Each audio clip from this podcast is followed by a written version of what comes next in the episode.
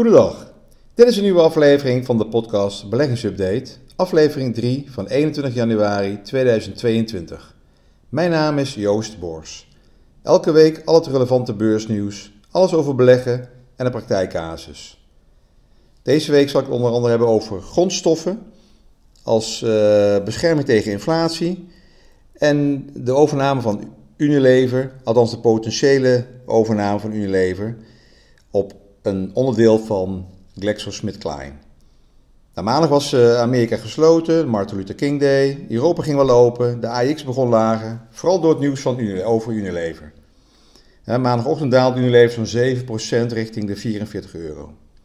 Unilever heeft de afgelopen maanden tevergeefs geprobeerd om de consumentenzorgtak, dat zijn tandpasta's uh, en, en wat uh, van Parodontax en andere bekende namen, van GlaxoSmithKline over te nemen voor zo'n 60 miljard euro. Het zou de grootste overname zijn geweest uit de geschiedenis van Unilever, ja, dat hard werkt aan de nieuwe groeistrategie. Ja, Glaxo heeft het bod echter afgewezen, maar er wordt volgens berichten achter de schermen gewerkt aan een hoger bod. Nou, de koers van Unilever reageerde dus uh, negatief op dat uh, nieuws. Um, om, ja, zoals dat bij de meeste koersen overnemende partij het geval is. En de koers van uh, Glaxo steeg op het overname nieuws. Unilever kreeg de afgelopen weken kritiek van een invloedrijke fondsmanager, Terry Smith, die een jaarlijkse brief stuurt aan zijn beleggers. Hij meent dat het bedrijf te geobsedeerd is door duurzaamheid ten koste van de financiële resultaten. De koers van het bedrijf, van Unilever dus, bleef achter bij die van de concurrenten. Het aandeel Unilever heeft afgelopen 12 maanden zo'n 10% in waarde gedaald, terwijl de koers van Nestlé juist 20% is gestegen. Met een beurswaarde van ruim 120 miljard is Unilever een van de zwaargewichten op het damrak. Dus zo'n daling van, van Unilever heeft gewoon echt impact op uh, de AX-index.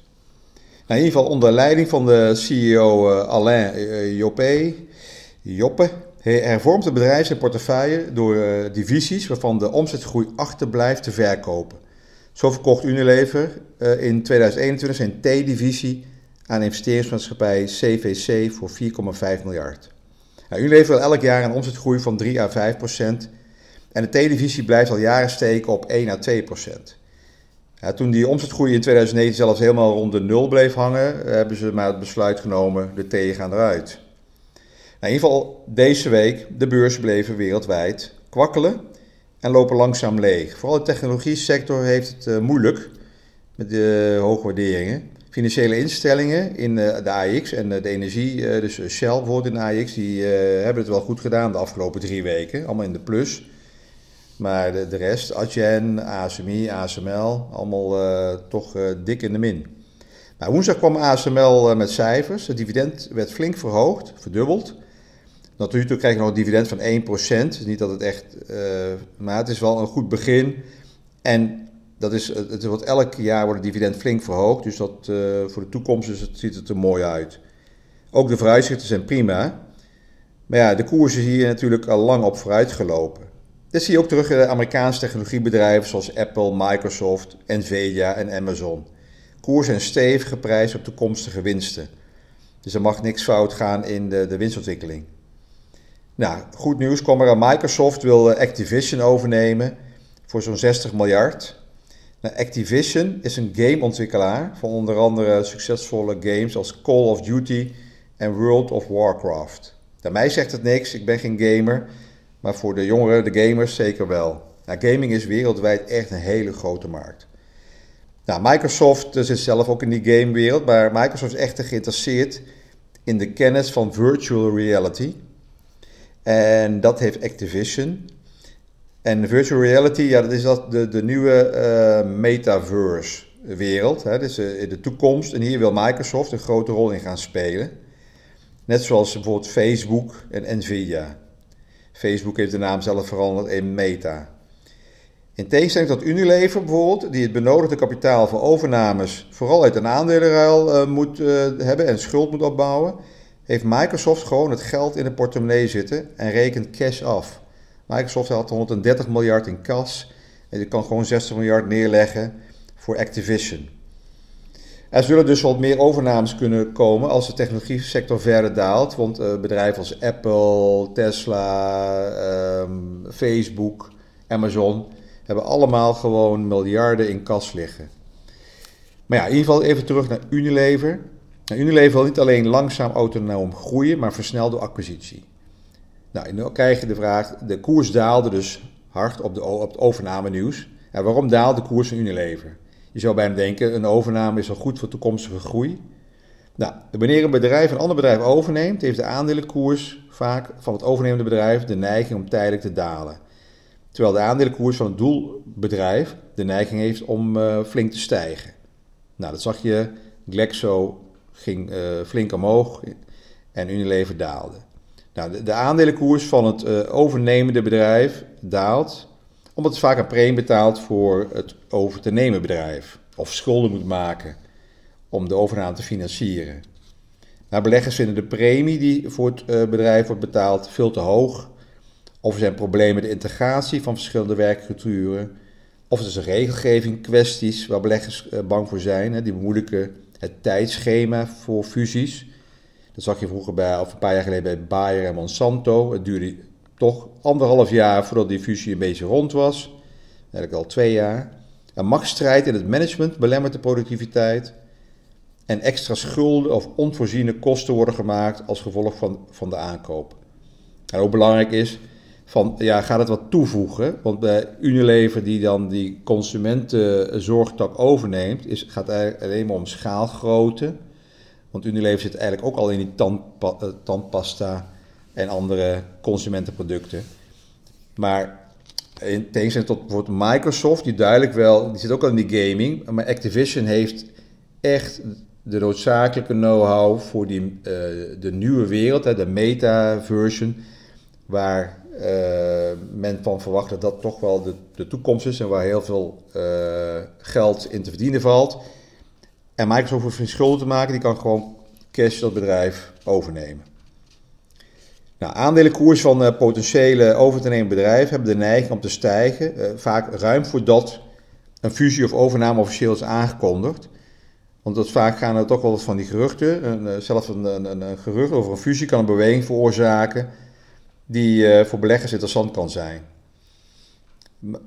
vaak kopen beleggers al in de verwachting dat er een overname gaat plaatsvinden die aandelen. Maar ja, er zijn natuurlijk ook risico's. Het, het, kan, het, het kan ook niet doorgaan en dan heb je weer een koersdaling voor de kiezer. Maar het is in ieder geval belangrijk om te onthouden dat, hoewel het overnemende bedrijf op korte termijn een daling van de aandelenkoers kan ervaren, op lange termijn de aandelenkoers zou kunnen floreren zolang het management het, het uh, uh, doelbedrijf goed waardeerde, dus een goede prijs voor betaalt, en de twee entiteiten efficiënt kan integreren. Dus dat is belangrijk. Ja, in het geval van Unilever, je, je, je bouwt schulden op. Je gaat met aandelenruil. Je neemt dus wat risico's. Maar dan moet je ook echt zeker dat dit wat gaat toevoegen aan je omzetgroei. Want anders blijft het toch wel een probleem voor beleggers. Oké, de aandelenmarkt. De beurzen zakken steeds verder weg. Door angst van inflatie en de stijgende rente. Nou, wat kan je daartegen doen? Hoe kan je je daartegen beschermen? Nou, bepalend voor die inflatie zijn vaak die grondstoffen of de basismaterialen. Je hebt nog een andere component, dat is het loondeel. Dat bepaalt ook vaak de inflatie. Maar in ieder geval de grondstoffenprijzen eh, zorgen de, de afgelopen jaar dus voor uh, een forse stijging van inflatie. Zijn vorig jaar gemiddeld sterk gestegen.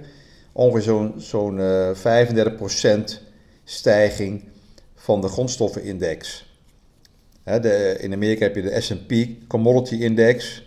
Dat is een gewoon grondstofindex, die wordt berekend op basis van de prijs op de wereldmarkt van grondstoffen, zoals olie, goud, graan, soja, katoen, koffie en cacao. Nou, de economische waarde van elke grondstof bepaalt hoe zwaar iedere prijs meeweegt in die index. deze grondstoffenindex geeft dus goed weer wat er gebeurt met de prijzen ervan op de wereldmarkt. Nou, op enkele uitzonderingen na, want goud en zilver die hebben geen stijging echt laten zien, zijn alle grondstoffen duurder geworden. De belangrijkste oorzaak is uh, verstoring in de productiviteit, waardoor die sterke vraag niet kon uh, bijbenen, maar ook de ruim beschikbaarheid van kapitaal dreef de prijzen op.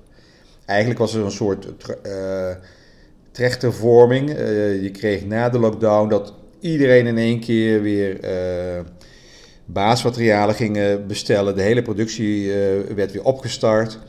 Dus een hoge vraag en het aanbod kon dat niet aan. Nou, in tijden van hoge inflatie en daardoor stijgende rentes. Ja, dan kan een, dan zie je nou, de aandelenmarkt heeft er moeite mee. Uh, maar een belegging in grondstoffen kan de belegger dus enige bescherming bieden tegen die uitholling van je koopkracht van het belegd vermogen. Hetzelfde geldt ook voor vastgoed. Hè. Stijgende prijs van uh, grondstoffen uh, zorgen ook, uh, als de consumentenprijzen sterk stijgen, dat, dat vastgoed ook het wel goed doet. Maar in ieder geval, ik hou het hier even bij die grondstoffen. Zeker als die prijsstijging van grondstoffen, zoals olie en gas, belangrijke oorzaken zijn van inflatie, kunnen beleggers erop uh, ja, meeliften door een stukje van hun belegd vermogen te beleggen in grondstoffen.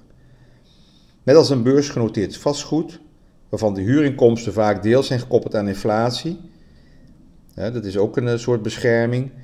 Uh, Zo'n spreiding over meerdere beleggingscategorieën, dus uh, een stukje grondstoffen, een stukje vastgoed, Zorg bovendien voor diversificatie van je portefeuille. Het maakt de waarde van de totale beleggingsportefeuille wat stabieler tijdens zwakkere fases van een of enkele van andere beleggingscategorieën. Nou, een, uh, een drietal indextrekkers in commodities die je kan volgen zijn volgens mij, dan misschien zijn er wel meer, maar Invesco, uh, de Bloomberg Commodity ETF, uh, Wisdom Tree All Commodity ETF en een iShares Diversified Commodity. Ook een uh, eh, ETF. ETF staat gewoon voor indextrekker.